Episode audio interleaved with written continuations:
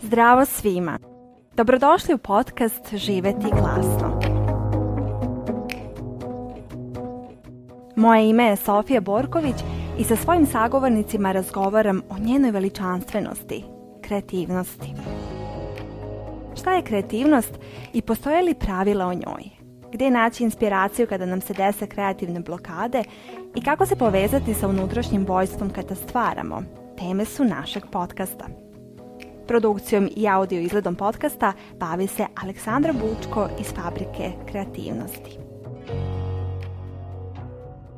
Dobrodošli u još jednu epizodu, prvu u novembru mesecu, koju otvaramo razgovorima koje sam vodila prethodne godine. U današnjoj epizodi sam pomislila koliko bi bilo značajno da se posjetimo intervjue sa doktorkom Vanjom Bokun Popović, koja nam je govorila o traumama i zabranama na stvaralaštvo. Zatim sa psihoterapeutom Milicom Marković koja je pričala o značaju ličnih granica kada krenemo da realizujemo svoje snove, kao intervjue sa doktorkom Goranom Marković, doktorkom tradicionalne i ajurvedske medicine koja je govorila o značaju ispravnog načina življenja koji nam omogućava protočnost. Nadam se da će vam ova epizoda značiti, a svakako ako budete poželjeli da epizode poslušate u celosti, ostavit ću vam konkretne linkove do razgovora sa doktorkom Vanjom Bokom Popović, Milicom Marković i doktorkom Goranom Marković ispod ove epizode. Pa da krenemo. Doktorka Vanja Bogon Popović je istraživač i inovator, a u razgovoru koji smo vodile pričala nam je o tome kako da prepoznamo da li živimo u skladu sa našim nervnim sistemom, te nam je nagovestila da u onoj meri u kojoj ne dozvoljavamo sebi da radimo stvari koje volimo, u tolikoj meri sebi uskraćujemo moć transformacije i zaceljenja. Više o ovim temama poslušaj u nastavku. Jedna od mhm. stvari jeste što dosta na ovim prostorima čujemo sudbina je tako htela, ja nisam mogao, eh, ja sam želeo, ali nije mi bilo dato. I nekako imamo malo okrenutu percepciju da mnogo toga nije do nas, da smo mi žrtve našeg života, da mi hoćemo i mi bismo rado to činili, ali nas uvijek neka viša sila sprečava. I verujem da je vaša priča bila tu kao moment da ste vi možda razumeli sve te obrasce koje smo mi s ovih prostora nasledili, ali ste u jednom trenutku rešili da uzmete stvari u svoje ruke ili bar one koje su moguće da se uzmu i rešive. Kako je došlo do toga da više ne budete ta osoba koja je morala nešto, mhm. koja se selila stalno, koja je zadovoljavala određene kriterijume i ciljeve da bi bila vredna, da bi bila mhm. voljena i dovoljna. Kako se dešava taj moment promjene u vašem životu? Pa prvo ta promjena traje jako dugo. Znači ono što mi danas mi smo nasledili od Amerikanaca, od američkog coachinga i uopšte od tog ogromnog priliva američke coaching misli na našim prostorima da sve može odmah i sve snaga volje i može iz istog trenutka i samo poželiš da, da, da, da, da i dođeš, dođeš do promjene. A prva stvar koju bih ovdje naglasila jeste da je Balkan mi sve razlikujemo od ostalih delova sveta po nekim stvarima smo jako slični sa ostalim divnim humans širom sveta, po nekim drugim stvarima se izuzetno razlikujemo od drugih. Jedan ogroman džinovski faktor kada se posmatra cijelo polje Balkana, ali evo da se fokusiramo sada na ovo naše ex regiju, jeste da je ovo regija koja je jako dugo, znači govorimo dugo, izložena konstantnim ratovima. Konstantnom preti od gladi, u konstantnim pretnjama od ratova novih koje dolaze, progon. Mi možemo da vidimo da između zemalja Balkana i danas traje progon mm Probajte biti te i te nacionalnosti u ovoj zemlji ili te i te nacionalnosti u onoj zemlji. I koliko god mi mislili da imamo pravo na izbor i stvarno da imamo pravo glasa, na Balkanu s jedne strane imamo puno pravo glasa, tamo gdje je to totalno irelevantno, mm a onda u zonama gdje je jako bitno imati pravo glasa i da se naš glas čuje i da smo poštovani za to što kažemo, u tim sferama se recimo taj glas guši. Tako što hoću da kažem, Hoću da kažem da količinu traume na Balkanu mhm. mi moramo da prihvatimo, moramo da je sagledamo, da prihvatimo i da osjetimo koliko jesmo različiti od drugih ljudi. I sa te strane kad krenemo malo tim putem da razlažemo sve te, da kažemo ta uverenja koje smo nasledili od baka i dekar, tako su nas podizali. Sine, niko ni mene nije mazio, ja sam morala sve sama. Sine, nemoj tu, sedi, uči, bit će sve u redu. Mm. I onda jednostavno dođemo do takvih nekih zidova u životu gde smo dali sve od sebe i gde smo uradili sve po PS-u i ako su nam rekli da završimo to, to, to i to, nema pehara, nema nagrade, nema medalje na kraju, a mi smo tako vredno radili da dođemo do toga nečega. E sada, zašto govorim u ovom kontekstu? Ovo je jako važan kontekst kada se postavi na, na Balkanu iz razloga što imamo ogroman upliv različitih učenja. To je sjajno da mi možemo da biramo da li nam više prijaju učenje sa istoka, nam više prijaju pragmatično učenja sa zapada, da li nam više prijaju neka, neka stara učenja naših predaka, na koji god stranu da krenemo imamo jedan ogroman izbor po pitanju toga. Međutim, ono što se vrlo često iz konteksta izostavlja jeste zapravo sredina u kojoj mi živimo jeste Balkan kao prostor na kojem živimo i ja te promjene najviše, najviše mogu da vidim u profesionalnim stručnim grupama, gde recimo imamo bude na pozivu nas 20-25 profesionalaca koji radimo konkretno u svojstvu traumaterapeuta i onda recimo italijani ili nemci ili englezi krenu da iznose svoje teške slučajeve i mi sa Balkana smo ono, to vam je težak slučaj. I onda, onda i to njima neki strašni slučaj sa kojim oni ne mogu da izađu na kraj i onda recimo kod nas je to nešto što je kulturološko prihvaćeno, što podrazumeva se kao, kao način bivanja. E sad zašto ovo govorim? Govorim iz razloga što je takođe Balkan prostor na kojem ima jako puno humora. ima, mi smo u stanju da alhemizujemo te naše probleme. U stanju smo od problema da napravimo umetnost, u stanju smo da od problema napravimo čitavo jedno društveno kupljanje, da imamo kafane, mi imamo pesmu, mi imamo ples, mi imamo te neke druge stvari i ono zapravo što mene posebno, uključujem to i brojne druge ljude, jeste taj prvi neki moment žiška kreativnosti koja se pojavi posle dugo teškog napornog perioda, gde mi zapravo osetimo da se nešto u nama budi. I tu volimo da kažemo onako metaforički, arhetipski, božanska iskra se probudila i da se desi onaj bljesak duše, duša mi se javila, pa se kako god ljudi tumače taj moment, a zapravo taj jedan trenutak kada u nama nešto sazri i želi drugačiji put. Mm -hmm. I to vrlo često jako dugo traje, iako se nama čini da ćemo mi to sve za čas da odradimo, da zaradimo i tako dalje. Ali kad jednom krenemo na taj predivni put kreativnosti, put umetnika na koji ti pozivaš ljudi i širiš uopšte tu vest, mi tu ne menjamo samo ono način na koji se osjećamo, mm -hmm. mi tu menjamo našu dublju neurobiologiju. Mm -hmm. Menjamo ne samo sebe, menjamo ljude oko sebe, tako da je to da je to jedan ključni moment koji odvaja ljude koji su u dubokoj patnji mm -hmm i koji ne mogu da osete da mogu, stvarno znam se neki put činjenicu tako je da stvarno neki put ne možemo da biramo, to je suština traume, mm -hmm. da su nam stvari nametnute i da ne možemo da biramo, a onda se otvori taj mali prozorčić u nama onako kao osetimo, aha vidi, ovo sad mogu da biram, mogu sad da uzmem olovku i nešto da crtam. Iz tog izbora krenemo da gradimo neke druge izbore. Milica Marković je psihoterapeut i psiholog, čiji je fokus na ličnim granicama, a o tome šta su to lične granice, kako da ih iskomuniciramo sa svojim ukućenima i zašto su one esencijalne kako bismo mogli da ostvarujemo sobstvene snove, poslušaj u nastavku ove epizode. Pomenuo si da postoje unutrašnje i postoje verovatno onda i spoljašnje granice. Šta su granice? Kod nas ljudi smatraju većinom da su granice slušaj, ja ću ovako, a ti ćao zdravo.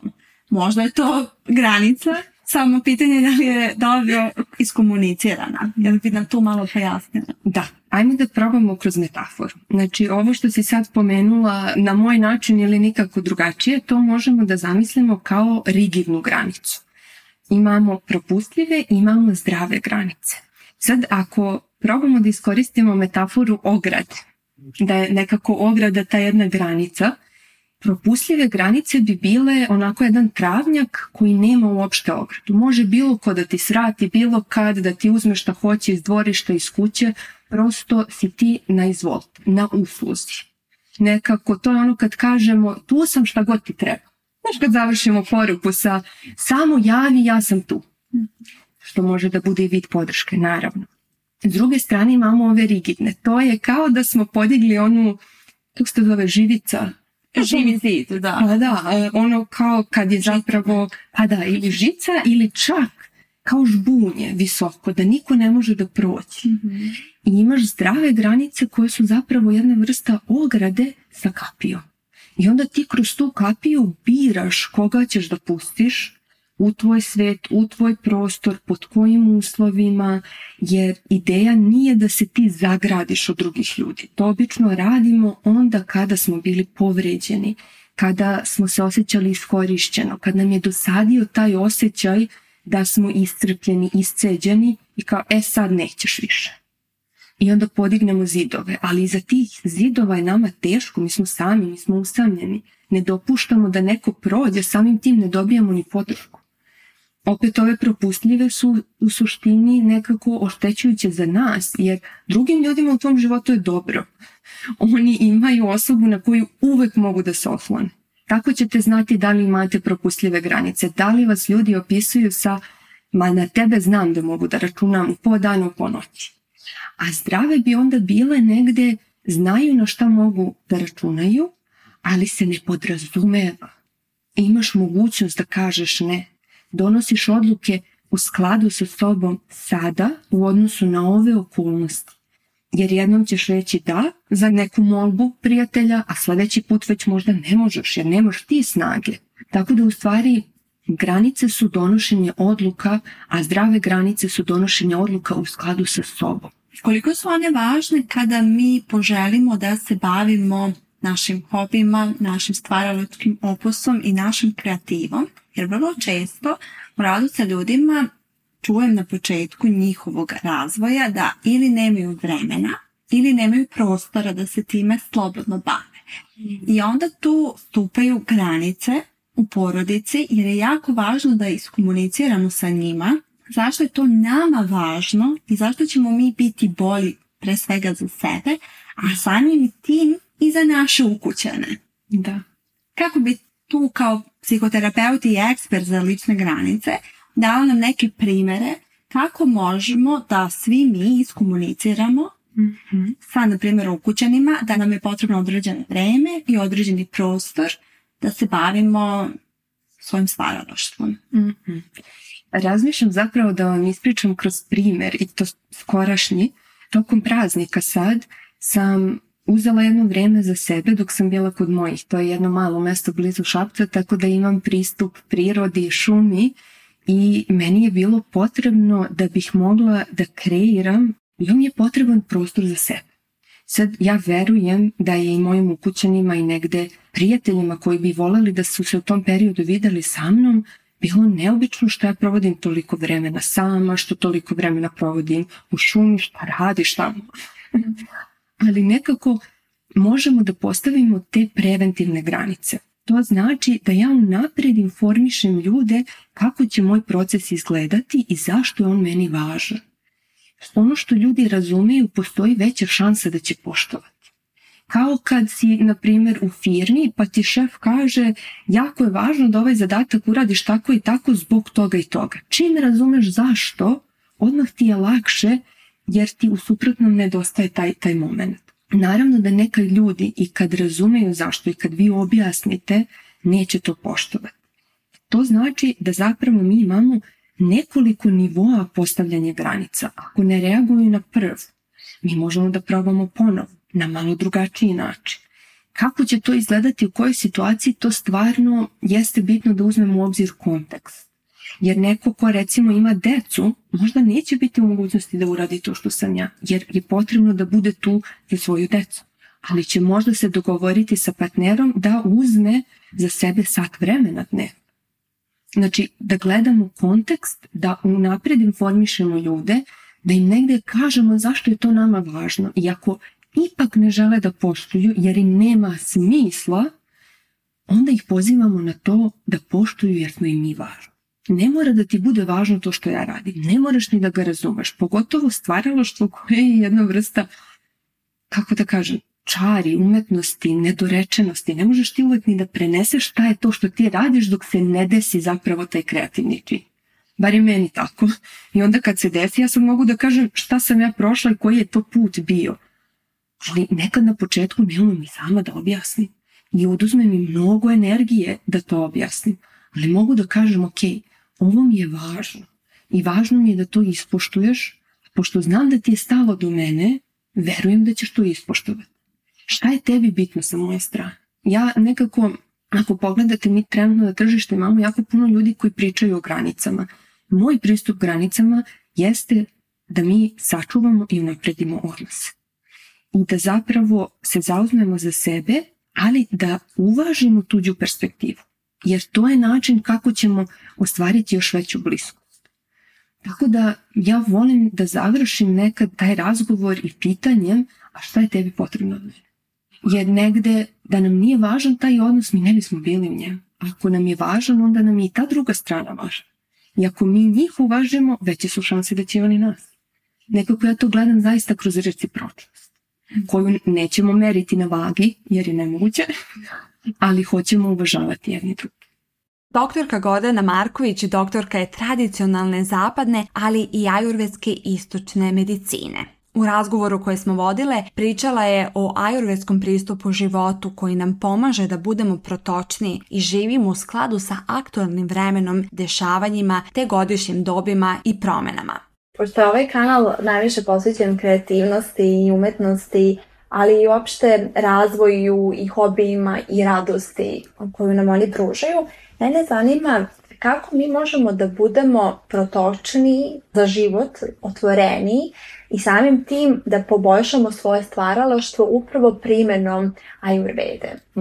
Upravo postizanjem ravnoteže došlo. Dakle, vrlo je važno da naše aktivnosti i ono što unosimo u naš organizam i kroz hranu i kroz sva naša čula, jer mi se ne hranimo samo hranom koju jedemo na usta, već svim iskustvima koje primamo preko naših pet čula, jako je važno da na taj način mi zapravo dovodimo sebe u balans. I kada smo mi u ravnoteži, onda i kada su neka tužna i teška iskustva negde oko nas i kada su neka jako radosna, uzbuđujuća iskustva, mi umemo i da se radujemo i umemo da patimo, ali ne gubimo stabilnost. I to je ono što je zapravo svrha i suština ajurvede, da budemo dobro povezani sa svojim sobstvom i da te doše budu u najboljem mogućem u najboljoj mogućoj meri uravnotežene. Mm -hmm. Meni je zanimljivo jer se u, u mom ličnom životu desilo to da kada sam do tada sam jela zdravo po nekim pravilima ili obracima zdravog života, ali kada sam počela i intuitivno da se hranim i kada sam povećala unos onoga što meni prija, a da pritom znam da jeste dobro, ja sam zapravo tada zaista počela da budem kreativna. U smislu nisam imala nekih blokada, zakrčenja, nisam imala pada energije u toku dana. Nekako sam uvek bila na vrhuncu, što mi je bilo neobično jer do tada bih uvek imala rast energije, pad energije, rast energije, pad energije. Mhm. Naravno, u skladu sa tim, kada popim kafu, porasti mi energija, pa kada pojem nešto, padne mi energija. Ali onda kada sam počela tako da se hranim i da primenjam neku ishranu koja meni prija, shvatila sam da sam mnogo otvorenija za svet. Da li je Ayurveda saglasna sa tim da kada u život unesemo zdrave namirnice, nutritivne namirnice, ne govorim sad o određenom tipu ishrane, da li je to veganstvo ili vegetarijanstvo ili keto ili paleo ili nego kada zaista jedemo ono što nam je priroda dala i ono odakle znamo da potiče hrana. Da li nam to poboljšava da kroz život idemo radosni ili to nema veze? Sigurno da je to značajno. Takođe je značajno kakva je ta naša vatra varenja, kakav, je, kakav nam je agni, jer ako je naša vatra varenja uravnotežena, onda hrana koju jedemo je nektar za nas. Dakle, ona nas ishranjuje. Ali ako naš agni, ako naša vatra varenja nije dobra, ako nismo u ravnoteži, ako istu tu hranu unesemo, ona za nas može biti otrov. Dakle, te namirnice su jako važne, ali vi ste verovatno, pored toga što ste dobro birali namirnice za sebe, sigurno i, i da kažem, stabilizovali svoj digestivni trakt Jer suština priče e, u Ayurvedi u tome da naše varenje, naš digestivni trakt bude u ravnoteži. Danas zapadna medicina počinje mnogo ozbiljnije da se bavi našim crevima, našim digestivnim traktom, povezivanjem raznih autoimunih oboljenja zapravo sa kvalitetom i kapacitetom našeg digestivnog trakta. U Ayurvedi je to osnovna, da kažem, stvar. Tako da je pre svega to važno. Takođe je važno stanje svesti tokom uzimanja hrane. Dakle, nije isto da li smo mi ljuti, besni, gledamo neku političku debatu, što je strašno da, da radimo tokom jela ili da, da bilo šta gledamo ili čitamo ili jedemo u miru sa zahvalnošću na tenane sa uživanjem uz dovoljno dugo žvakanje hrane. To, to su sve, da kažem, jako, jako važni aspekti. I onda tek mi dođemo do toga da je i kvalitet određenih namirnica jako važan. Međutim, u Ayurvedi vi možete da znate da je brokoli recimo izuzetno, ako imate organski brokoli, onda pomislite pa ništa na svetu nije zdravije od toga. Međutim, ako vaše varenje je slabo, ako vi imate neki mandagni, onda to u tom trenutku nije zdrava namirnica za vas. Dakle, mi znamo koje su to neke karakteristike. Ako postoje zapaljenski procesi u organizmu ili sklonost ka njima ili gastritične neke tegobe, kiselina, onda ne smemo jesti, na primjer, paradajz, papriku, cimet, razne neke druge namirnice, koliko god da su one zdrave, organske, ispravne, prema nekim, da kažem, univerzalnim merilima. Dakle, opet je ta individualnost jako važna i kada se mi hranimo u skladu sa potrebama svog organizma, dakle u skladu sa našom konstitucijom i trenutnim stanjem u fiziologiji, mi onda zaista postajemo protočni, naša tkiva se pravilno izgrađuju, tkiva se izgrađuju ajurvedi jedno iz drugog, sedam ih ima, poslednji, da kažem, najvažniji produkt razvoja tih tkiva su ajurvedi zove ođestvna esencija, mm -hmm. najkvalitetnija materija koju može naš organizam da proizvede i koja opet kreće drugi krug i ishranjuje svaku našu ćeliju, naš duh. Hvala vam najlepše što ste poslušali još jednu epizodu podcasta Živeti glasno. Nadam se da ste spremni za zimu koja dolazi i rešeni da ispunite svoje potencijale. Do naredne epizode šaljem vam tople pozdrave. Produkcija Fabrika kreativnosti